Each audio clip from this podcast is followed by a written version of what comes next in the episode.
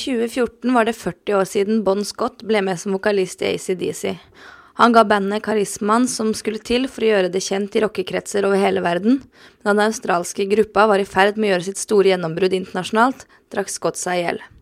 Fortellingen om Scott handler om ekstreme vokalferdigheter, karnivalisme og kontroversiell poesi. Susanne Wallemrød, kritiker Audun Winger og skribent Svein Strømmen diskuterer Bon Scott med Eirik Kydland.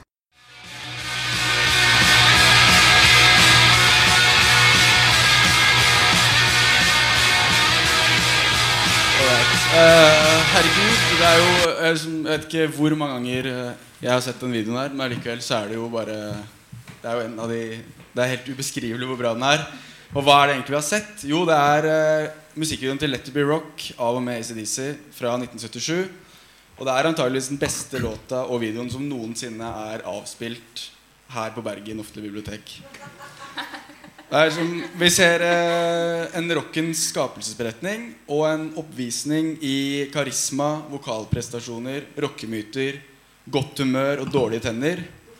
Og selve midt midtpunktet, vokalist og frontfigur Bon Scott. Altså for et vesen, for en gravitasjonskraft. Og i år så er det da altså 40 år siden Bon Scott ble den definitive vokalisten i ACDC. Noe han var i seks år og på fem studioalbum før han døde en februarnatt i 1980, bare 33 år gammel, ifølge testen, dødsattesten av akutt alkoholforgiftning. Og for å markere Bon Scotts inntog i rockehistorien og i ACDC, så erklærte vi Eno eh, Bon Scott-året 2014 for åpne tidligere år eh, i dette nummeret her, eh, som passende nok var rosa på forsiden. Men inni er det masse rock og masse Bon Scott-stoff. Og i nå i kveld altså, er vel det som vi må betegne som høydepunktet da, i denne markeringen av Bon Scott-året 2014, nemlig at vi har hentet inn tre eminente paneldeltakere som da skal diskutere Bon Scott, hans liv og påvirkningskraft, og hva rocken er i dag uten typer som han.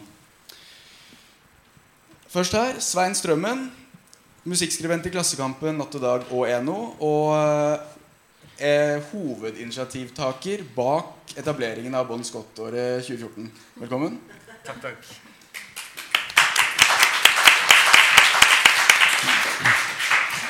Så har vi Susanna Wallemrød, som er musiker, sanger og komponist. Eh, svært aktuell med 'Meshes of Voice'-albumet sammen med Jenny Wahl. Hun er også ACDC-fan og har tolket tekster av ikke bare Dolly Parton og Gunvor Hofmo, men også Bon Scott. Velkommen. Og så har vi Audun Winger, musikkritiker i Dagens Næringsliv, men også fast classic rock-spaltist i Eno. Og der han gjerne retter et uh, kritisk blikk mot band og artister som er innlemmet i rock-kanoen. Velkommen.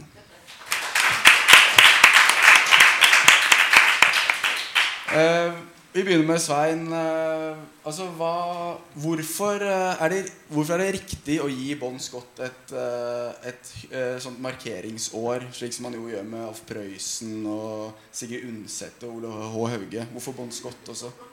Du, du, så det hoppet han gjorde når han hoppet fra orgelet nettopp i sted i videoen der. Det, det er ikke grunn nok. strengt tatt. Har du sett noen andre gjøre det? Jeg kjenner ingen som hopper fra orgler. Jeg har ingen akrobater i min familie. David Roth gjør ikke det nå lenger. Hadde Bon Scott levd i dag, så hadde han sikkert ramlet for orgel istedenfor. Men jeg tror kanskje han hadde gjort det med tilsvarende stil. Det savner jeg. Folk som hopper for orgler. Jeg savner folk som ser ut som Bon Scott. Ikke minst. Er, han hadde en salig stil som, eh, som han klarte å utvikle uten å ha vært alkoholiker i 40 år. Og det syns jeg er ganske godt jobbet. Den slags. Sånn innledningsvis. Ja. Så var jo ACD sitt steike bra band nå, da. I motsetning til Nordagens ACDC, som ikke er så bra, så var Bon Scott ACDC et strålende flott band. Mm. Jo, du kaster noen baller opp i lufta som vi skal komme tilbake til senere òg. Eh, men vi bare fortsetter bare for å få en slags eh, oversikt over hvor vi har dere i panelet. Audun, du kommer sikkert med noen kritiske bemerkninger litt senere i kveld. Men eh, bare sånn for å holde den gode stemningen i live, da. Hvilke kvaliteter ser du hos Bon Scott? Jeg vil først og fremst snakke om bandet. fordi eh, Du sa det med rockekanoen, og der har faktisk ACDC ikke vært. Eh, så det kom som en stor overraskelse der med at noen skulle trekke frem Bon Scott eh, nå. Selv om det selvfølgelig var veldig på tide. fordi de, altså de er utskrevet av rockhistorien, selv om det er et av verdens største rockeband og et av de mest betydningsfulle. I plateanmeldelser fra den gang da Altså vi, vi, hører jo med en gang at dette er totalt unik eh, rockemusikk eh, som ikke ligner på noe annet. Er, vi hører med en gang hvem det er. Eh, det har en helt egen groove, rytme, alt er, er, helt eget. Men i alle de slaktene de fikk i hele sin karriere, så gikk det på at det var uoriginalt og eh, gammeldags, eh, uinteressant eh, tullball. Så det er rart hvordan ting endrer seg. Det, liksom, det, er jo, det er de samme platene. Eh, men nå snakker jeg ikke om Bon Scott. Eh, det er lett å liksom le av han fordi han ser rar ut. Før så kunne folk, eller særlig menn, være sexsymboler selv om de var stygge. Og det er kanskje det en tid flere av oss eh, om ikke savner, så i hvert fall tenker på og, og analyserer. Og dermed stygge tenner osv. Men det er det her med å være så sjelfull. Da. Altså, ingen i rocken i dag er sjelfulle i det hele tatt. Og det var Bon Scott så til de grader. Og så har man i tillegg denne meget spesielle vokalteknikken som er som om den har vokst opp av jordsmonnet.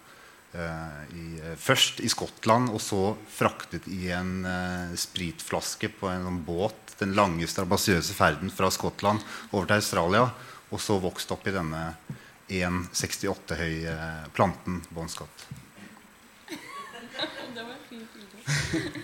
Ja, for det er også, Vi snakket om det nå backstage, som vi eh, kaller det i kveld her på biblioteket. Da, men det, at i denne Eno-saken i eh, Nei, den eh, Bon Scott-saken i Eno, så står det en, er det feil da, i faktaboksen står det at han var 1,73 høy. Ikke, det er jeg som har skrevet det. Um, men han var da 1,68, hevdes det. Det er det som sto i passet hans òg. Så det er jo Det er jo oppsiktsvekkende lavt Kanskje ikke i seg selv, men i hvert fall man har en følelse av at det var mye høyere når man, han, når man ser de klippene her. og sånn Men det skyldes også at Bl.a. at Angus Young og Malcolm Young, eh, gitaristene, er enda lavere.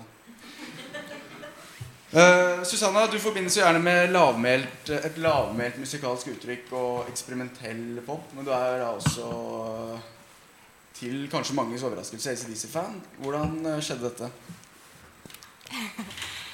Det um, Ja, hvordan skjedde det?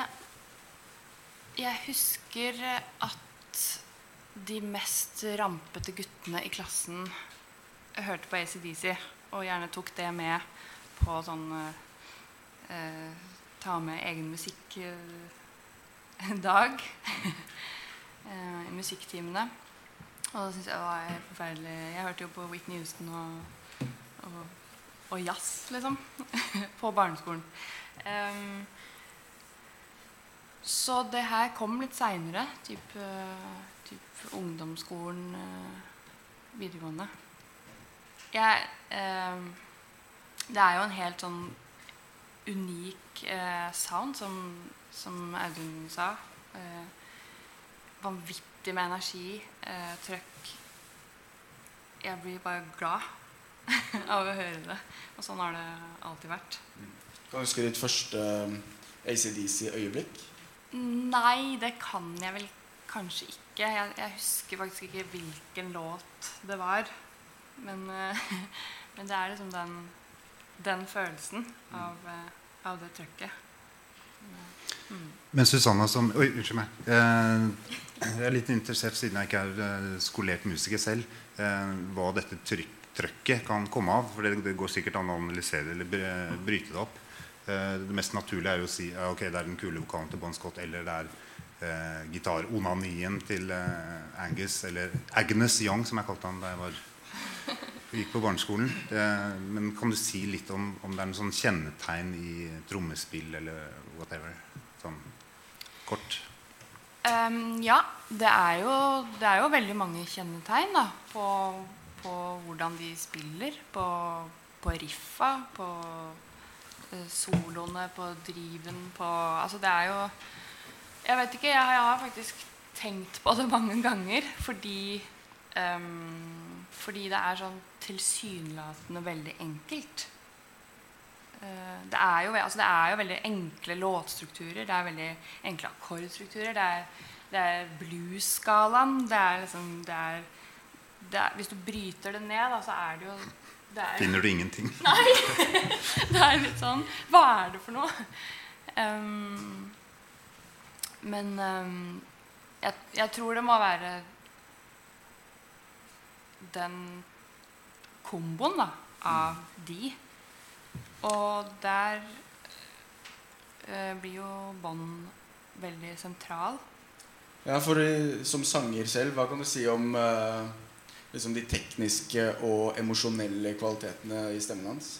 Uh, igjen, han har jo et helt vanvittig trøkk, og det er, eh, det er sinnssykt eh, fascinerende for, eh, for meg, som overhodet ikke har et sånt trøkk. Altså, jeg jobber jo ikke jeg jobber ikke der oppe. Jeg jobber på et helt Jeg jobber der nede. Um, så det er, det er jo en av hans veldig, veldig store kvaliteter. Men så tenkte jeg litt på at eh, han har spilt trommer, og kanskje det er noe i det den, kjennskapen til, til rytmikk, eh, frasering, som Ja. Som kommer liksom i tillegg til Det er en veldig sånn rå output. Men det er jo noe mer der. Altså du, det er jo Det er faktisk ganske nyansert, da. Er, han har flere ting i stemmen sin. Det er liksom ikke bare Jeg husker Da, var, da jeg var 11-12 år og begynte å høre på ACDC, så tenkte jeg at ok, så var det jo hele den der myten rundt eh, bandet og han òg. Så eh, er det jo lett å komme med sånne floskler som at han jo eh, liksom er, er så å si dratt rett ut fra, eh, ned fra barkrakken og på scenen, og at det er liksom noe av hans levde liv som gir stemmen kvalitet. da. Eh, Men så jo, skjønner man etter hvert at, det er ekstremt, at han var en ekstremt dyktig vokalist. Og eh, så hvis man ønsker å vekke sin eh, Eller liksom finne sin indre Bon Scott, bør man da gå på bar, eller bør man gå til, i sanglære? eh, Kanskje en kombinasjon? Eh, Svein, jeg, tror, jeg mistenker at du har en, et, et annet svar på, den, på det spørsmålet. Hvor det lønner seg å gå. Hvis du ønsker å vekke din indre Bon Scott. Jeg tror at sjonglering av barkaker er et veldig godt utgangspunkt for, eh, for å finne, finne frem til den mannen der. Altså. Jeg tror nok at eh, han, eh, Det at han er en veldig flink vokalist, det, det skal man definitivt, definitivt ikke underkjenne. Men der er jo òg en der er noe annet der òg. Der er noe med noe som ikke er håndfast. Der er en metafysisk verdi ved Bon Scott. Som er, det er derfor vi liker han. Det er det som er denne, denne auraen som kan prestere og skytes ut av en 1,60 år lang mann. Og få han til å se ut som han er 1,73. Tenk, Det skal du faen ikke kimse vekk. altså. Det er ganske godt jobbet. Og det, det tror jeg eh, Ja, det var eventuelt bakkrakken han satt på, da, så kanskje skjøt han opp til 1,73. Skal ikke se helt vekk fra det. Men kan det også hende at eh, altså Man sier jo gjerne om gode rockevokalister at de er real eller det er så ekte eller eh, lignende. Det kan hende at det ikke er tilfellet med Bon Scott. Eh, at han faktisk da det, At han spilte en rolle, og at det var derfor han også da klarte som tung alkoholiker å synge bra live foran veldig mange folk eh, annenhver eh, kveld. Og at siden at han ble en del av låta, at han spilte låta. For han, holdt, han var jo nesten ti år eldre enn de andre i bandet. Han var egentlig en has-been da han ble med. Han hadde sunget i veldig mye altså Han var en, et barn av sin tid og, og drev med 60-tallspop på 60-tallet. Og, eh, og, eh, og fulgte den utviklingen fra pene klær til stygge klær ved overgangen til 1969, sånn som skjedde med alle andre musikere. Um, så det kan godt hende at han har bare tatt det for seg som et fenomen. Uh, dette er min store sjanse til Ok, nå er det noen unge folk med mye pågangsmot her. Og de hadde jo hatt en vokalist, de hadde holdt på lenge og var et populært band på lavt nivå i jeg har glemt hvilke byer de spilte mest i i Australia. Men eh, man kan nok også tro at, at det var et spill hele tiden også. Derfor kunne han også være så jævla rå. At det, det var en, eh, en maske, rett og slett. Men bare, nå har ikke jeg hørt så veldig mange veldig mye ACDC-demoer pre han. Men et viktig element ved ACDC er det der, eh, at de to gitaristene, den løpende bassen og et forholdsvis sånn minimalistisk trommespill. Eh, det er vel, man kan vel si at ACDC også var eh, en konstruksjon laget av eh, produsentene deres, George Young og Harry Wanda fra The Easy Beats, som da etter at deres karriere gikk dukken, eh, tenkte å fortsette da med lillebroren til George. Og man hører en av de siste Easy Beats-låtene, som heter St. Louis, har veldig mange av de samme trekkene som, som går igjen i i hvert fall de første par platene med, med ACDC. Så de har mye mer å si enn uh, man skulle tro, da, disse uh, storebrødrene. Men når vi er inne på det, Audun, kan ikke du ta oss tilbake til, til den tiden da Bon Scott ble med i ACDC? Og Ja, vet du hva, Det kan jeg gjerne gjøre. fordi i 1974 da ble jeg født. Så jeg har eh, et varmt hjerte for det året. ja, I tillegg så er du da classic rock-skribent. Ja, Eh, men hva slags eh, liksom landskap og tidsånd var det dette bandet befant seg i? da? Nei, altså Mange av de store bandene fra slutten av 60-tallet hadde begynt å gå dukken. altså Led Zeppelin og The Who og alle de fra foregående generasjon. Men det var også før punk, så det var en slags eh, eh, mellomfase. Før, I hvert fall før britisk punk. Så, eh, men det, jeg, vil, jeg vil absolutt sette ACDC inn i den punk-kategorien. Fordi de ville tilbake til noe som hadde blitt ødelagt altså Rock hadde blitt ødelagt av albumet, av for eh, seriøsitet, for store ambisjoner for stygge klær, for mange gensere osv. Så, videre. så de ville, altså det der back to basics, som da også Av med alle genserne. Av med alle genserne. Jo Hvis du skulle ha genser, så eh, skulle den være for liten og ikke ha noe under. Altså, de var et slags sånn rock'n'roll coverband som eh, spilte på små puber eh, fordi det var så kjedelig alt det andre. Og de eh, sa hele tiden at vi eh, skulle bli størst i verden. Og de visste at de klarte å bli det, for alt det andre som var på eh, hitlisten og på albumlistene, var bare kjedelig. Så det befant seg et slags vakuum da, hvor rock egentlig var noe som var blitt uh, dølt, og før punken kom og røsket taket ting. Ja, ja, det kan jeg absolutt si. Pluss at de, eh, de, store, de, eh, de store var på vei, på vei ned, og de nye hadde ikke kommet ennå. Ja, Det som kalles vakuum. om du vil.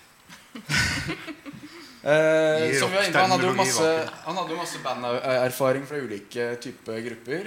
Og han hadde også hatt masse forskjellige strøjobber. Gjødselbonde, blant annet. Eh, og han har vært i fengsel. Hvorfor har han vært i fengsel, Svein? Jeg tror uh, jeg leste meg frem til at han ble først dømt for å ha stjålet bensin. Det sto ikke noe om hvorvidt han hadde kjørt som om han hadde stjålet bensin, men uh, han skal visstnok ha sittet inne for det. Altså. Det er- Bensintyveri. Bensintyveri. Ganske godt jobbet. Det kan jeg like. Vi kan jo bare tenke oss hvordan de fikk mistanken. Ja vel? Ja, må, ja, må vel ha vært duft. Ja. Han stjal også med melke... Nei, han stjal melk. Det var for å overleve. Pluss at han eh, var, drev også stjal penger, melkepenger. Har jeg også sett i noe Melk og melkepenger. Melk og melkepenger. både- Men ikke melkepenger til å kjøpe melk. Dobbelt, eh, dobbelt opp. En småtyv, da. En småtyv gjødselbonde. Og spilte i forskjellige band. Og var vel også sjåfør for ACDC på et tidspunkt, før han ble, ble tatt inn som uh, vokalist. Ja. Uh, men Svein, hva mener du at Hva gjorde det med ACDC da Bon Scott ble et uh, offisielt medlem og begynte å synge? Jeg tror det, Vi har jo hørt ja, Noen av oss i hvert fall har vel hørt opptak av bandet før han kom inn. Og det, der er ikke altså Jeg skal ikke si noe stygt om han tidligere vokalisten, men han har ikke den Du kan jo det. Nei, men jeg, jeg, har ikke noe stygt å si om han annet enn at han er ikke Bon Scott. Og der, der, er, der er en sånn eh, som, som jeg sier, at det er en metafysisk verdi ved den fyren her. At han Som vi også sa, han er eldre enn de andre karene. Han har vært mer rundt. Han eh, har eh, andre ambisjoner. ikke sant? Jeg tenker at han har, han har mer lyst til å gjøre dette enn det resten av ACDC har. Og, eh, og kom inn i, eh, i denne her lille guttepjokk-gjengen. eh, Guttepjokk både størrelsesmessig og aldersmessig i forhold til han. Og, og nok eh, sparket de ganske grundig i ræven, vil jeg håpe og tro. I hvert fall, Uten at jeg har noe belegg for å si det. Han ble vel Han, han øh, fikk vel øh, ting på stell, da.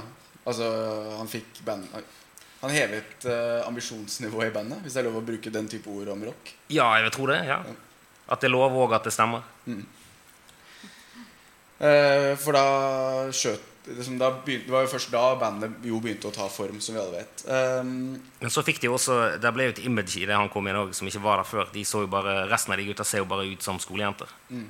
Og der er ikke noe, der er ikke noe spesifikk stil ved resten av bandet. Hvis du tar han ut av den miksen i 1976, så er det bare fire tullinger som like greit kunne stått og spilt flipperspill eller bandy oppi gaten eller et eller annet helt uh, urelatert. Men når du stiller den fyren der foran dem, så blir det, det blir en helt annen effekt av det. Ikke bare, ikke bare i kraft av at han ser ut som en, en fyr som ja, har sittet mye på barkrakk, men òg at han har, den, har denne viben. Han ser ut som en fyr som har sittet inne for uh, bensintyveri. Og at han, han, sikkert, han har antagelig noen gode historier om uh, da han faktisk fikk juling istedenfor å jule opp noen òg. Det var antagelig derfor han mistet tennene ut av kjeften. det var faktisk pga. en motorsykkelulykke. For å være en, eh, Såpass. en, For å knuse den myten. Men han har sikkert Ja, det er ikke så ille, det heller. Det, la oss nå håpe han skulle kjøre motorsykkel inn i trynet på en fyr. da. Eller noe slikt. Ja. Men i hvert fall det er ikke noe særlig tvil om at man hører ikke sånne historier om dagens rockevokalister. Eh, Det er kanskje også derfor det virker så forfriskende. Så paradoksalt nok meget forfriskende. Også det med at han var en sånn womanizer, men ikke på en sånn kjip måte. Han var sikkert kjip også, men han kunne han couldn't help it. Det var bare Det var, det var bare en Dagens rockestjerne må holde seg i skjul for uh, fotografer, og det er bad for business å eh, vise svakhet. Eh, og om det var noe han Bon Scott gjorde, så var det jo å vise svakhet. Eh, så det Han var ikke noe overmenneske, og det, det merker man også. Og det er vel noe som jo eh, Som man også ser i tekstene. For de tekstene som Bon Scott skrev, er De er jo liksom i beste fall røff eh, poesi, og i verste fall ganske sånn harry mannssjåvinisme. Og ofte litt begge deler, da. Eh, Susanna, hva, hvordan forholder du deg til, uh, til uh, Bon Scott som tekstforfatter? Um,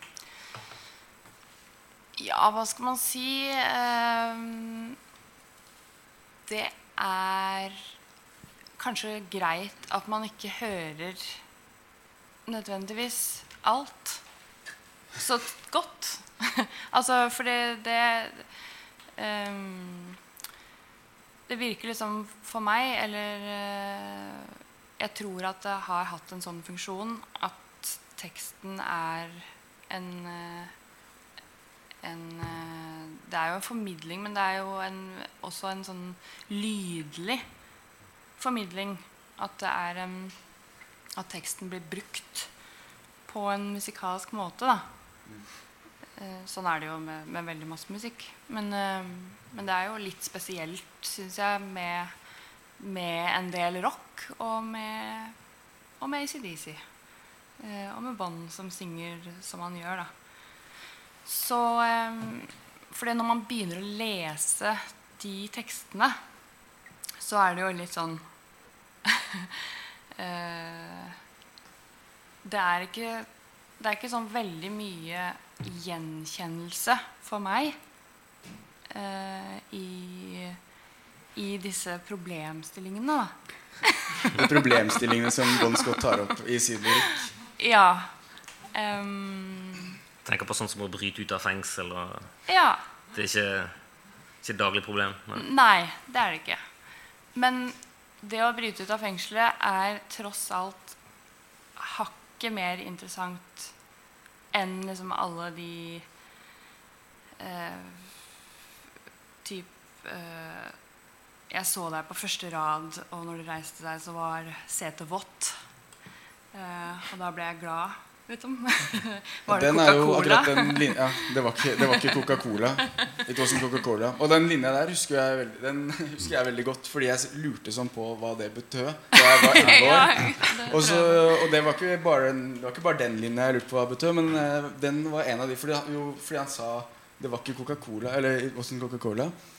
Eh, altså det handler da, det, For dere som ikke har hørt låta, så er det da en skildring fra scenen av en jente som sitter En ung jente som sitter på første rad, og så er det er setet fuktig, og så sier Bon Scott i 1000 Coca-Cola. Men Og da sa spurte jeg mamma hva betyr det. Så, det handler vel om kjærlighet. Ja, ja, ja. Det var jo fin tolkning, det. Men alle rocketekster er jo eh, eh, Hvis man ser på de fra denne siden, så er de forkastelige. Og de fleste handler om det samme, og det er overgrep fra mann mot eh, ung kvinne. Og sånn har det vært siden blues tekstene. Men grunnen til at jeg personlig har et litt større forståelse for akkurat Bon Scott sine tekster enn men Jeg kan bli drittlei av veldig mange rocketekster som da rett og slett da har den følelsen av overgrep og simulering av samleie på en veldig sånn harry og ja, ovenfra og ned-type måte. Det at disse låtene er mer skuespill, og det er selvironi. Han ser seg selv utenfra. Og det er et visst element av eh, historiefortelling der. Altså han eh, høres utrolig ut, men han brukte veldig mye av sitt eget liv da, i disse tekstene, siden han var en sånn serial womanizer. Han, kunne bare ikke, han klarte ikke å stoppe. Eh, låtene ble jo skrevet av eh, brødreparet, mens da han fikk jobben med å eh, skrive teksten, da veldig kjapt, og kolke det ned på det papiret som var i lomma. Jeg satt borte på eh, Hotell Ørnen her i sted og kokla ned en tekstlinje. På samme måte som han antakeligvis også gjorde. Skal jeg se bare første vers i en av de en, en bra låt fra kanskje mitt favorittalbum. Det høres litt eh, litt for selvbevisst ut, men det er Power Age da, fra 1978 som er mitt favorittalbum. Jeg hørte bl.a. en hel eh, hjemme alene-fest på Hadeland på eh, tidlig 90-tall. For det var den eneste CD-en som var, eller kassetten som var, eh, som var i denne i dette huset på Jaren. Og den gikk og rulla i tre, tre dager. Er av den typen fester hvor hagemøblementet blir kjøpt inn på mandag morgen før foreldrene kommer. Og badstua står på hele, hele uka. I hvert fall Den eh, plata er viktig for meg. Men det er en låt her som heter 'What's Next to the Moon'. Da skal jeg bare lese første eh, vers. Well, I, well, I tied my, my baby. Well, I tied my baby to the railroad track. Cannonball down the line. Giving that woman just one more chance to give it to me one more time. Engineer wishing he was home in bed, dreaming about Casey Jones. Wide-eyed woman half a mile ahead, thinking about broken bones. Og jeg mener, da er du bra kåt når uh, dette er uh, det indre bildet da, på liksom hvor, Hvordan det bobler. ja, hvordan det bobler ja. Ja. Eh, og, denne, denne typen sånn eh, meget rask, eh, rask poesi er, synes jeg er, det er, det er, det er inspirert. Svein, hvilke What's Next to the Moon heter den låten. hvilke tekstlinjer er det du uh, klamrer deg til uh, i, fra Bond-katalogen? Jeg har sittet nå uh, i de siste par dagene og hørt på det som jeg syns er en av de beste ACDC-låtene, 'Squealer', som eh, åpner B-siden på uh, 'Dirty Deeds Don't Dirt Cheap'. Og så har jeg, så har jeg tenkt på Det er en av de verste tekstene han har skrevet. Det er en skikkelig fryktelig låt. Det er, det er en helt åpenbar overgrepshistorie. Og det er ikke noe hyggelig fortalt i det hele tatt. Og det, og det er litt derfor jeg jeg bet meg litt merke det siden den låten er så jævlig bra. At det er en sånn merkelig kontrast i hvor jævlig bra låten er, og hvor jævlig kjip teksten er. Og så slo det meg at den, den åpner B-siden på det albumet, eh, hvilket betyr at han følger selvfølgelig siste låten på A-siden, som da er 'Problem Child'. Som da er en mer lystig fortelling om Ron Scott, som forteller om at han er en, eh, en, ja, en type som går på byen med kniv og, og steller i stand bråk. Eh, men han fremstiller det på en litt sånn, eh, litt sånn jovial måte. Han er, en, han er en hyggelig fyr som liker å slå ned folk. Han drar ikke ut og slår ned folk som ikke fortjener det, kanskje. Han bare liker å ha det litt gøy. Eh, men så følger han dette opp da med denne her storyen om dette helt åpenbare overgrepet. Og jeg tenker at det tror jeg han har gjort med vilje. At han har tenkt at her har du Problem Child Bon Scott, som er en litt festlig fyr, gjør gøye ting som kanskje ikke er så jævla hyggelig, men det er jo bare hyggelig ment, i hvert fall. Men uh, der er flippsiden, den bokstavelige flippsiden, er at uh, jo, han er faktisk en skikkelig, skikkelig kjip fyr i tillegg. Og sånn apropos det som, som du sa med historiefortellingen, at han, uh, at han ikke nødvendigvis forteller helt om seg sjøl, men at han iscenesetter en slags story der. Det tror jeg han har gjort veldig bevisst. Og det, da, når jeg rasjonaliserte det for meg sjøl, da syns jeg det var litt greiere å høre på Squealer, som da fortsatt er en fantastisk, eh, ekstremt bra låt. At det på en måte er som å se en, eh, en litt ubehagelig krimfilm. Da, eller. Han forteller en historie. Ja, det, det, det, det er det øyeblikket i det, i det altså, fyren du heier på, plutselig viser seg å være en fyr du kanskje ikke burde heie på. Selv om det er Scott vi heier på han uansett. selvfølgelig. Alright. Nå har det jo eh, nå har det allerede blitt en god del eh, både drikking, barkrakker og eh, kniv, fengsel, overgrep. Alt dette her. som jo mange sikkert også Som er lett å assosiere med Bon Scott og ACDC og tekstuniverset der. Men da tenkte jeg at jeg nå skulle kjøre et lite lysbildeshow. Bare for å Det er litt som Audun var inne på tidligere. For å se litt på Bonds eh, mange ulike ansikter.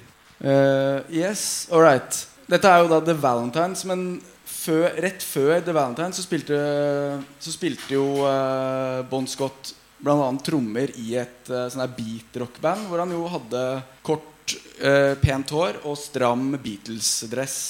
Som man jo ser litt av her Eller har litt mer sånn Mods-sveis her, da med kort lugg og, og litt sånn eh, koteletter. Eh, men allikevel en veldig En pyntelig dress. Eh, og dette her så han, kom han over eh, i da, det som er The Valentines. Eller var det Valentines. Som rett og slett var et slags boyband som spilte tyggegummipop. Og det får vi slik som man Vi kjenner han fra The Valentines. Det er det neste bildet. Hvor han er avbildet her eh, sammen med Vince eh, Lovegrove.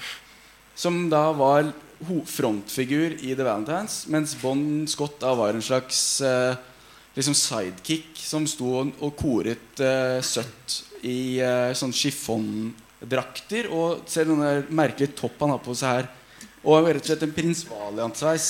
Og på den tiden her så eh, sies det at han For han hadde allerede fått et par tatoveringer eh, da. Og det sies at han eh, malte over disse med dekkstift for at han ikke skulle skremme vekk de unge jentene som likte The Valentines. Så kan vi ta neste bilde. Ja, Her har vi jo rett og slett prog-faunen Bon Scott. Han har fått eh, sånn, prog, sånn der faunskjegg.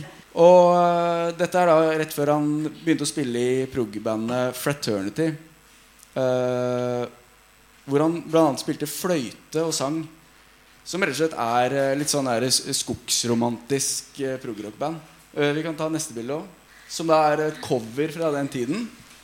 Hvor jo han bare tar det helt ut i sånn liksom, Jeg vet ikke, King Crimson møter løven fra Narnia eller noe. Men så en helt annen stil, da. Her er jo Bond slik vi kjenner han. Med ja, de utslåtte tenna der og massevis av tatoveringer. Blant annet det som eh, Torgny Amdam på Instagram i stad kalte et frontal tramp stamp. Altså en har sånn tatovering oppå skambeinet. og, et, og også her, ikke uviktig detalj, den bulen, den mystiske, ikke fullt så mystiske bulen som man har der i skrittet, eh, som jo da man kan tenke sitt om, men det sies også at dette var også en bevisst greie, at han rett og slett fylte en tennissokk med sand som han putta bak gylfen da, hvis han skulle bli tatt bilde av eller spille konsert. Og så kan vi ta neste der. Her er jo et år før han dør omtrent. Veldig pen og langt hår. Og her har han også fått gebiss, da. Som jo var noe han fikk eh, etter, ettersom eh, ACDC ble mer og mer populære. Så fikk han seg et eh, gebiss. Fikk sikkert råd til å kjøpe det for å for å fikse opp de Eller for å, bytte, eh, for å kamuflere da, disse i stykker slåtte tenna. Og eh, det sies også at han ble funnet død i, Han ble funnet i en bil han hadde sovna etter en rangel. Så sies det at dette gebisset liksom hang ut av munnen hans i et tragisk flir. Da. Så, det, her vi, så her har vi da en, eh, sett mange eksempler på hvor mange ulike liksom, sjangre og stilretninger og sveiser og Eller masker da Bon Scott uh, uh, brukte. Og hva forteller Slår dette liksom fullstendig beina under myten på, på den autentiske rockevokalisten Bon Scott, eller tvert imot? Nei, Det viser at han er meget autentisk. For som jeg nevnte i sted, altså, Det er ikke sånn at verden blir funnet opp på nytt hvert eh, tredje år. Alle de som var eh, sharp dressers på 60-tallet, gikk da over til, eh, til ullgenseren. Så er, jeg føler ikke at han svikter noen idealer. Det sier kanskje siden, siden spørsmålet det tatt kommer opp, er jo det at mange av ACDCs fans er uh, lite rause folk. da Som eh, kanskje bare vil at ting skal være akkurat som det er. At ingenting skal gå ut, ingenting skal fjerne seg ut av, ut av den firkanten. Så jeg tror det er kanskje det. Og på, for Bon Scotts vegne så er jeg veldig glad for at han døde når han døde. De sto foran et stort gjennombrudd. Det, liksom, det murra. Han var helt sikkert veldig lei eh, av å måtte være i, i 100 000 menneskers eh, åsyn.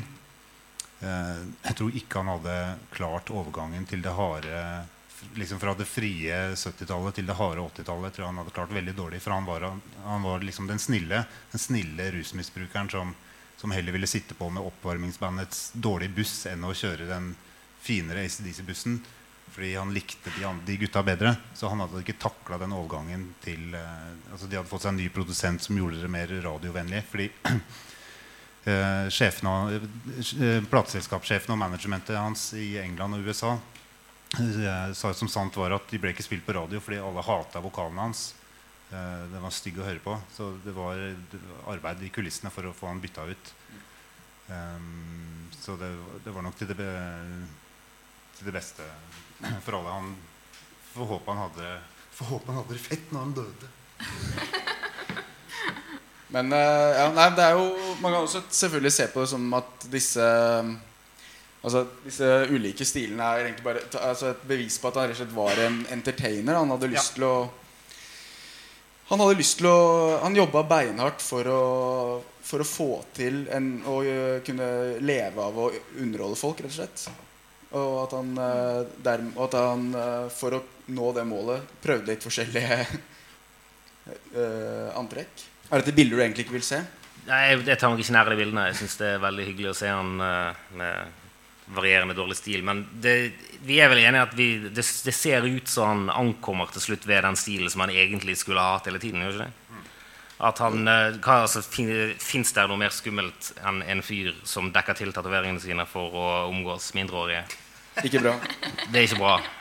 Fins det noe verre enn en fyr som står og spiller blokkfløyte og synger om skogens uh, mystikk, og, føles, og føles, Nei, som du ser jeg føler seg veldig ukomfortabel med det? Det, det er ikke bra. Tror, det, altså, det, kan godt være han hadde det gøy, det håper jeg at han hadde, men det virker for meg i hvert fall som om han uh, omsider kravlet ut av det skallet og klarte å finne denne, denne settingen der den, uh, den, i hvert fall noe mer genuine Born Scott kunne utfolde seg minus blokkfløyten og, og, i hvert fall med litt mindre sekkepiper enn uh, en før. Det, ja, det er derfor jeg prøver å fortelle meg sjøl. Men han ser jo altså, du, ja, Vi så jo bildene. Han, uh, han ser, ikke, ser, ikke, ut som seg sjøl heller. Sånn. Men så uh, 1974, da ser han ut som seg sjøl. Men sånn er det jo med veldig mange folk. Da. Folk ankommer ofte veldig seint i sitt utseende. Hvis man ser sånn, det, folk i offentligheten, f.eks. Dag Solstad Hvis man ser bilder av han fra 90-tallet, så ser han jo 50 år eldre ut enn han gjør nå, hvor han er 73. Så det liksom det der med å finne seg selv da. Og det gjelder faktisk også Solstad på 60-tallet. Faktisk ser jo eldre ut enn Solstad i dag. Ja. Eh, siden vi er på bibliotek, så måtte jeg trekke inn. Susanna, du som er eh, Du er jo artist og har holdt på i mange år. og hva tenker du om disse ulike fasene som han beveget seg gjennom uh, kunstnerisk som artist? Jeg tenker at det, det, sier noe om at han hadde et uh, behov for å, og noe å melde. Mm. Han hadde behov for å uttrykke seg på den måten. Og han var villig til å prøve litt forskjellige ting uh, på veien. Og det henger vel litt sammen med tida også eh, at, at de forskjellige stilendringene på en måte kunne skje da, i det her tidsrommet, er jo også eh, litt spesielt. Og det, det, tenker jeg liksom også har med det har, det har, jo med teksten å gjøre, og liksom den derre tross alt eh, frigjørende i forhold til å omtale både det ene og det andre mer eh, lugubre sånn tradisjonelt sett eh, deler av livet. Eh, både det å sitte i fengsel og det å liksom være en underdog og fighte for noe. Og eh, sånn frigjort sex og alt. Det er jo Det har jo skjedd i, i en kontekst Samme med disse stil... En større utvikling. Ja. Uh, Audun, tenk litt på dette med hva slags innflytelse egentlig Bon Scott har hatt for ettertiden. La oss si at vi, Hvis vi hadde reist i, tatt en, en tidsmaskin og reist tilbake i tid, uh, og rett før Bon Scott ble med i CDC, så hadde vi sørget for at han uh, at han ble eh, doctor or lawyer man. Mm. Som han synger at han ikke vil bli i eh, en sang. Eh, altså Hvis han hadde blitt streit da og ikke blitt med i eh, ACDC, hvordan hadde rockehistorien sett ut i dag? Rockhistorien hadde sett helt lik ut, fordi han har hatt altfor liten innflytelse på rocken. Det er helt tydelig, klart og tydelig. Det er også derfor rocken ikke fins lenger. Eh, nettopp fordi hans innflytelse har vært altfor eh, alt for lav. Så eh, det spørsmålet er litt vanskelig å, vanskelig å forholde seg til.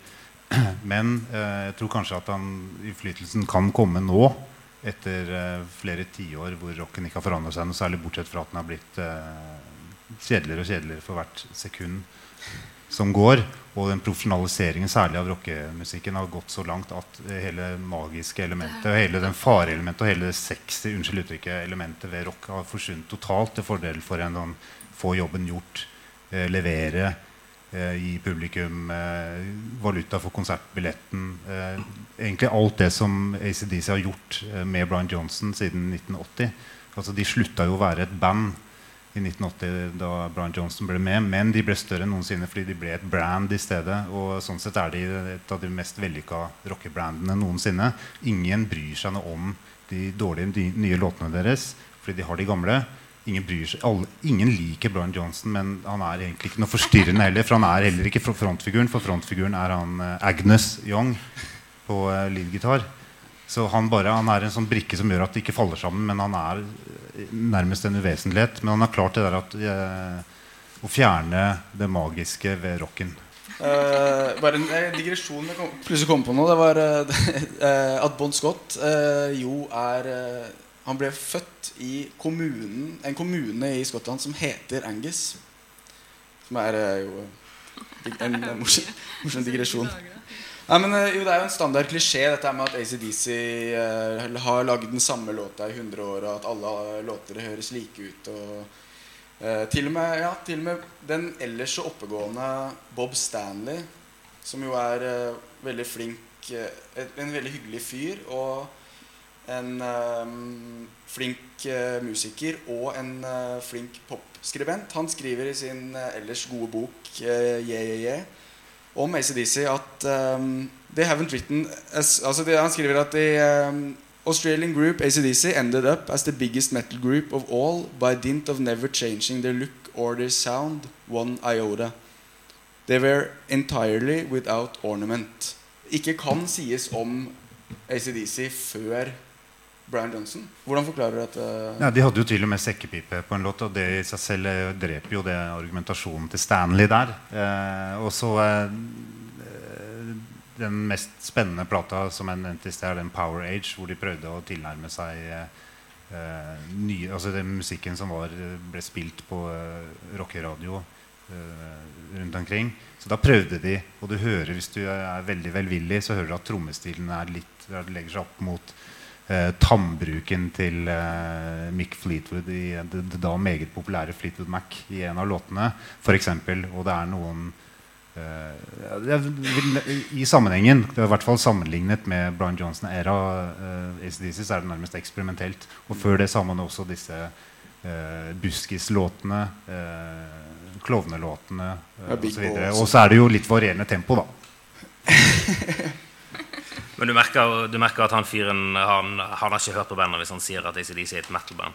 Det er jo absurd. Ja, det, det, ja, nei, det, er sånne kategorier han uh, driver Men, men der må han skjerpe seg. Han kan, altså, han, jeg kan tenke, altså, jeg kan huske fra slutten av, av 80-tallet så uh, sklei de tingene litt sammen. Folk kunne finne på å kalle ACDC for et metal-band. Og det, folk kalte Bon Jovi for et metal-band. Altså daværende Bon Jovi. Uh, og eh, det var kanskje trivelig da, men å si noe sånt i senere tid det, altså, da, det illustrerer hvor lite resten av resonnementet hans henger på grep. Men uansett, uh, det at ACDC lager den samme låta år, år etter år, det er jo en, en klisjé eller et Det er kanskje til, kanskje til, og med noe i det i de senere årene, men poenget er Uh, ACDC var et mye mer dynamisk band på de fem platene med Bon Scott. Har det med Bon Scott å gjøre, eller har det noe med tida og at det var et ungt band å gjøre? Det er jo også det jeg nevnte i sted, med at uh, de første platene var produsert av det paret uh, George Young og Harry Wanda. Uh, den siste plata som Bon Scott var med på, da hadde allerede det begynt den strømlinjeforma, altså den uskadelige ufarliggjøringen og suksessformelgjøringen av bandet allerede begynt på Highway to Hell, eh, kan man si. Så det er nok de, eh, de to eks-popstjernene fra 60-tallet i The Easy Beats som, eh, som står for mye av den magien og den allsidigheten på de første platene. Det er verdt å tro. Det kan hende at Angus Young og broren hadde, lyst, hadde lyst til å bli kjedelig hele veien. For kan, de er jo også litt drevet av et mål, eh, Suksess har vel vært et endelig mål for de i større grad enn det var for Bon Scott, som var mer en kunstner og en leve, levemann. Han var ikke så businessorientert som, uh, som de to. Og uh, det er vel grunn til å tro at uh, altså de ble en business asset pga. hans genialitet. Men det var hans genialitet som også holdt dem nede. Så ja Tror du ikke det var sånn at når Brian Johnson kom inn i sin tid, så han kom inn og skulle synge på en plate som allerede var, var ferdig, ja. og disse to brødrene da så at det de egentlig bare trengte, var en session-vokalist. At det var det, som skulle til for å lage den største platen de noensinne kommer til å lage. Så da tenkte de vel antagelig, kanskje ikke helt bevisst, men til dels i hvert fall kanskje at ok, det er egentlig bare vi to som skal til. Og de har jo en historie med å sparke medlemmer i hytte og gevær hele tiden et ganske usentimentalt forhold til det med bandmedlemmer. Og nå som Malcolm Young, eh, den beste gitaristen av de to, rytmegitaristen, har eh, fått demens, så tok det ikke veldig lang tid. Altså, det, natu det, naturlige vil jo være også, Det er jo han som er ACDC. Når man står og spiller luftgitar, så er det jo ikke uh, leadgitaren. Man, man spiller liksom riffene, og det er det jo han som står for. Det hadde vært naturlig at når det riffet uh, forsvinner, så forsvinner bandet også. Men sånn er det ikke med de i det hele tatt. Nei, og det er jo en ting er Eller det høres jo kanskje Det er kanskje litt eh, diskriminerende og stygt å si, men en ting er jo å bytte ut trommiser og bassister eh, med ujevne mellomrom, sånn som ACDC har gjort. En annen ting er jo da hvor kjapt de jo kom seg videre etter at Bon Scott, deres vokalist, døde. Uh, og de fikk inn Brian Johnson. Og så nå hvor, som du nevner, uh, at Malcolm uh, jo ikke kan spille lenger fordi han har blitt dement. Og det tok jo bare noen, tok noen uker, noen måneder, før de da fikk inn nivøen. Og nå skal de jo komme med en ny plate og turnere. Det tok, vel, det tok, vel, enda kortere tid å få inn Brian Johnson, tror jeg. Fordi jeg tok, de hadde så mange auditions med forskjellige folk. De bare ja, Plata var jo gjort. De måtte bare få den ut. Han døde i februar eller januar, bon Scott, og denne plata var ute på sommeren. Uh, det tar jo litt tid å liksom, uh, polere master og alt de der greiene der. Og få det trykt opp. Så du kan tenke deg at det tok kanskje bare en uke da han Brian tok med seg capen inn i studio. Men, altså, det der med, Bri det der med Bri Som dere sier skjønner, så er det jo det virker, Jeg tror de fleste av oss er uh, vi, har blitt, vi, har blitt, opplært i at man på et eller annet tidspunkt må velge mellom Bond og Brian. Uh, og at uh, Det var i hvert fall noe jeg lærte på, av en bandleder på uh, ungdomsklubben på Bærumsverk da jeg var bare et barn. At du må velge gammel eller ny ACDC. men er Brian Johnson egentlig så ille som vi vil ha det til? Han er det strengt tatt. Det, han, uh, han, er flink til, uh, han er flink til å gjøre akkurat den ene krabbelyden som han gjør. Når han skal synge de låtene de har laget med han, så kan han lage den krabbelyden veldig bra. Men uh, de som har hørt han synge 'Jailbreak', kan undertegne og underskrive og attestere at nei, han er ikke noe bra. Det, der, satt opp mot den, den stilen som Bon Scott hadde, så er han ingenting i det hele tatt. Der er alt det som gjorde Bon Scott til Bon Scott, mangler hos Brian Johnson. Dessverre. Han har noe veldig anstrengt over seg. da Han høres, han høres liksom ut som Nils Johan Semb eh, som sitter og trøkker ut hvert ord. Ja, det er mer sånn eh, at han sitter med mikrofon på utedo etter tre dager på påskehytta med en eh, lammesteik. Liksom, og ikke, ikke, innlagt vann. Og ser på klokken. Og... Ja. Ok, men uh, vi må ikke være Vi skal jo være Vi er glad for uh, Vi skal må understreke at jeg i hvert fall er glad for at uh, jeg har fått se ACDC i min levetid. og det er jo bare takket være Brian Johnson. Så, men Audun, du var inne på dette i stad at, at rocken savner Eller mangler noe av det som Bon Scott hadde. Eh, og er det slik at i vår liksom uh, røykfrie, uh, kompresjonstights-kledde tid uh, Og uh, i og for seg også veldig tid, En tid hvor vi er veldig bevisst på kjønnsstereotypier og den type ting.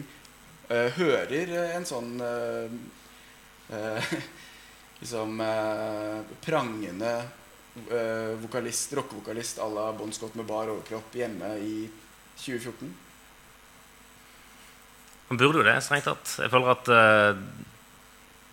uh, dåtidens Bon Scott er ikke noe mindre aktuell nå enn han var for eh, 40 år siden, spør du meg. Eh, Men igjen, jeg vet ikke, jeg sliter med å se hvem som eventuelt kunne ha klart å, å posisjonere seg eh, sånn som han gjorde. Eh, ikke bare pga. tiden, men fordi det, det var ikke så mange som han da heller. Det var, uh, ja, var noen splitt-hopp i løpet av 80-tallet. Ikke så veldig mange. Og uh, Nei, jeg vet ikke. Jeg tror jeg skulle gjerne sett det, men jeg holder ikke pusten. Jeg ikke det. Audun eller Susanna? Ser dere noen Det er vel en tapt kamp, det der. Det også. Vil jeg tro. Også det, særlig, eh, altså det fins jo selvfølgelig store idoler som har karisma i forskjellige musikksjangre.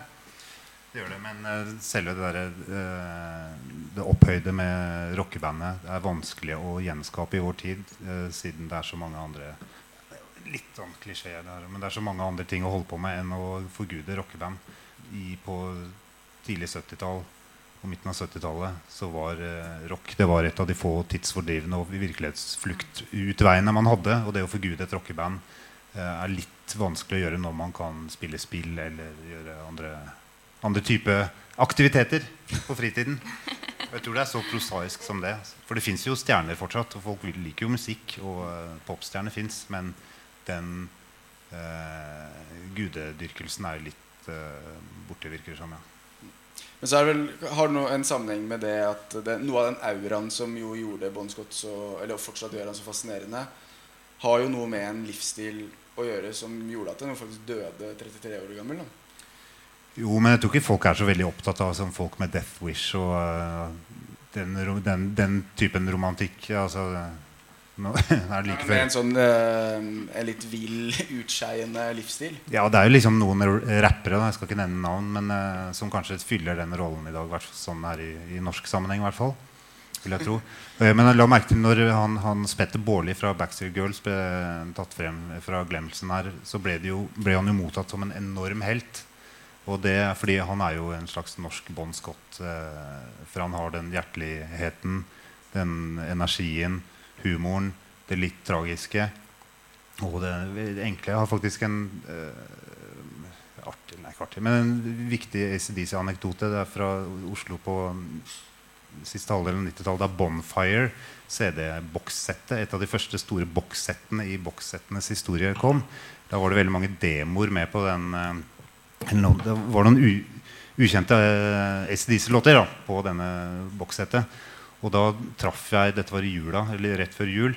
Det var ikke så mange utesteder i Oslo som var åpne eller som, var åpne i det hele, som fantes i det hele tatt. Men det var et sted over, eller ved siden av Sentrum scenen som het Garbo Dancing, der mange av disse rockerne holdt til. Fordi det var LO-bygget, og uh, Backstreet Girls ble holdt til live av LO-bevegelsen pga. noe ja, lang historie. Men i hvert fall så ville han ha uh, meg og noen andre med på nachspiel hjemme i leiligheten hans i uh, Toftes gate. Eh, for å høre på disse demoene. Og jeg husker at Det hadde begynt å snø, og jeg skulle hjem til mora mi dagen etter på Hadeland. Og tenkte, jeg burde, burde ikke dette. Men ble, han, han hadde så stor iver da, for å spille disse låtene. Så går vi inn i, i eh, bakgården der han bor. Han bodde ikke i en leilighet, men han bodde i en slags vaktmestergreie. Eh, og så når vi går, eh, går inn til han, så ser vi at det står sånn eh, hvitt ark på døra. Sånn utkastelsesvarsel. Da, at han må ut av eh, dette stedet innen en uke. Altså før nyttårsaften. Og han bare ok, bygons. Så går han inn, setter på denne Bonfire, og så setter han seg for å begynne å spille oppå. Og det er kanskje den største rockeopplevelsen jeg har hatt i mitt liv. Å se Pet Petter Baarli i sitt eget uh, hjem sitte og riffe til uh, ACDC-demoer. Uh, Men så blir han så lost in music at han eh, besvimer mens vi sitter og ser på. Men han spilte på eh, en sånn Marshall-forsterker, rørforsterker. Så når han faller, så driver han med seg forsterkeren i fallet. Og da når sånne forsterkere faller, så sier de Og så ligger han sånn. Og så sier jeg til kompisen vår det er tidlig på morgenen Hva gjør vi nå? Hva faen gjør vi nå? Og dette er litt parallelt med det som skjedde da Bon faktisk døde. Da var det sånn, da lå, jeg, lå han utslått. Hva gjør vi? Hva gjør vi? Og så sa jeg Nei, vi går. Og så gikk vi ut, og snøen eh, falt. Og vi dro hjem til Hadeland til øvre middelklasse og spiste god ribbe. Men det gikk jo bra med Hans Petter Baarli. Takk og lov. Da skal vi runde av med et, eh, en liten musikalsk eh, Et lite musikalsk innspill. Innslag. Fordi Susanna, du har jo tidligere covret 'It's a Long Way to the Top If You Wanna Rock and Roll' på, uh, som Susanna and The Magical Orchestra. Uh, I 2006 var det. Ja. Uh, hvorfor valgte du den låta? Og hvilke utfordringer var det som møtte deg på veien? um, jeg hadde veldig lyst til å gjøre en ACDC-låt av grunner som vi allerede har snakka om. Men det viste seg å være hakket mer utfordrende enn jeg forestilte meg. Nettopp pga. Uh, tekstene. Eh, jeg sjekka ut eh, mange ting, og, og f.eks. 'Squealer', da, som er liksom en helt sånn vilt eh, kul låt. Som for øvrig jeg tror Lise Karlsnes gjorde med Briskeby. På Kvartfestivalen et år? Det kan hende jeg har i hvert fall sett henne gjøre det. Med Knut Skreiner på gitar. ja, ikke sant? faktisk Eh, og det må jeg si var eh, svært god innsats av hun. Det, det var litt mer eh, Kanskje riktigere låt for hun for meg. Men veldig rart å møte den derre Oi, hvordan skal jeg hva, Hvordan skal jeg ta fatt i det her? Hvor du tenker på det tekstlige At det var vanskelig å finne en tekst som du kunne synge? Ja, Eller var det Ja, ja, Ja. absolutt. Det er jo Det betyr jo noe for meg å, å synge noen ord som jeg relaterer til på en eller annen måte, da. Det kan jo være mange forskjellige måter. Men eh, det er liksom utrolig mange Man får seg jo noen latterkuler når man liksom ser for seg at man skal synge de her forskjellige eh, låtene.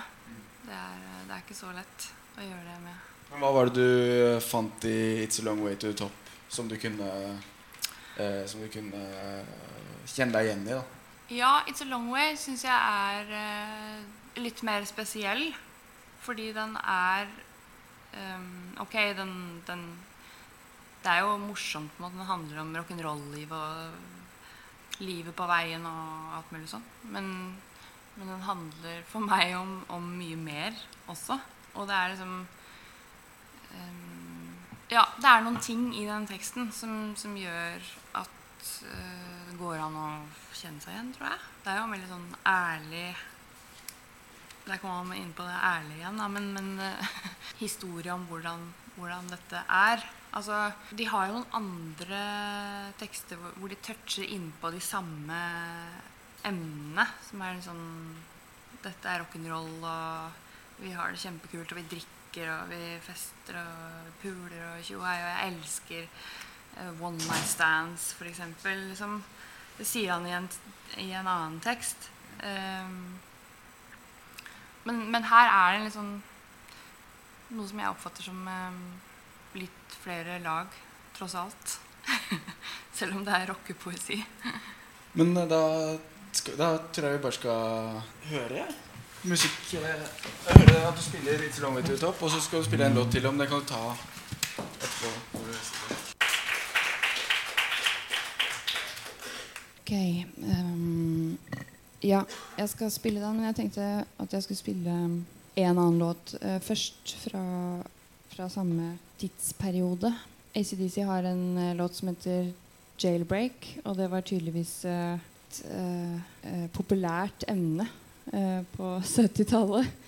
det derre å, å se for seg at man skal Ja, nå jo, hadde jo Bon Scott sittet i fengsel, men det der å, å bli uskyldig dømt og, og kanskje urettferdig behandla. Eller bare være rebell og bryte ut av fengselet og gjøre opprør.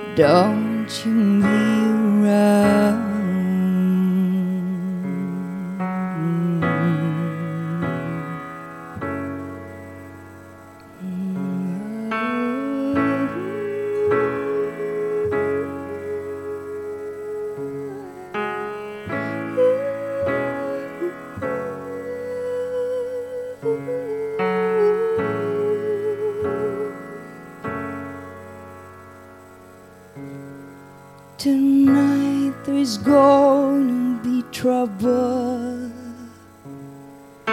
Some of us won't survive. See the boys and me mean business, busting out or alive. I can hear the hound dogs on my breaks loose, alarm and sirens wail. Like the game,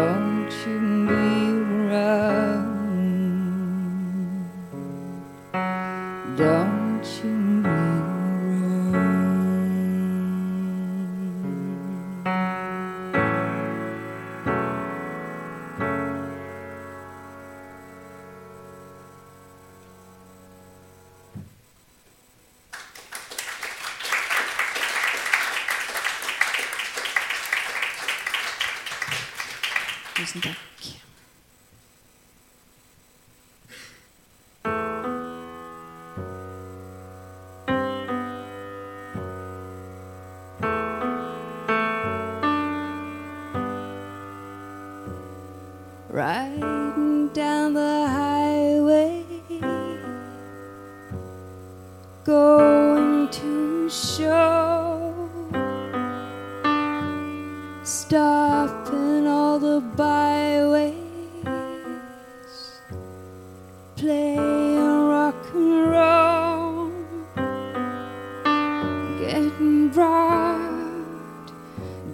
stone, getting beat up, broken bone, getting high, getting too. I tell you, folks, it's harder than it looks, it's a long way to the top.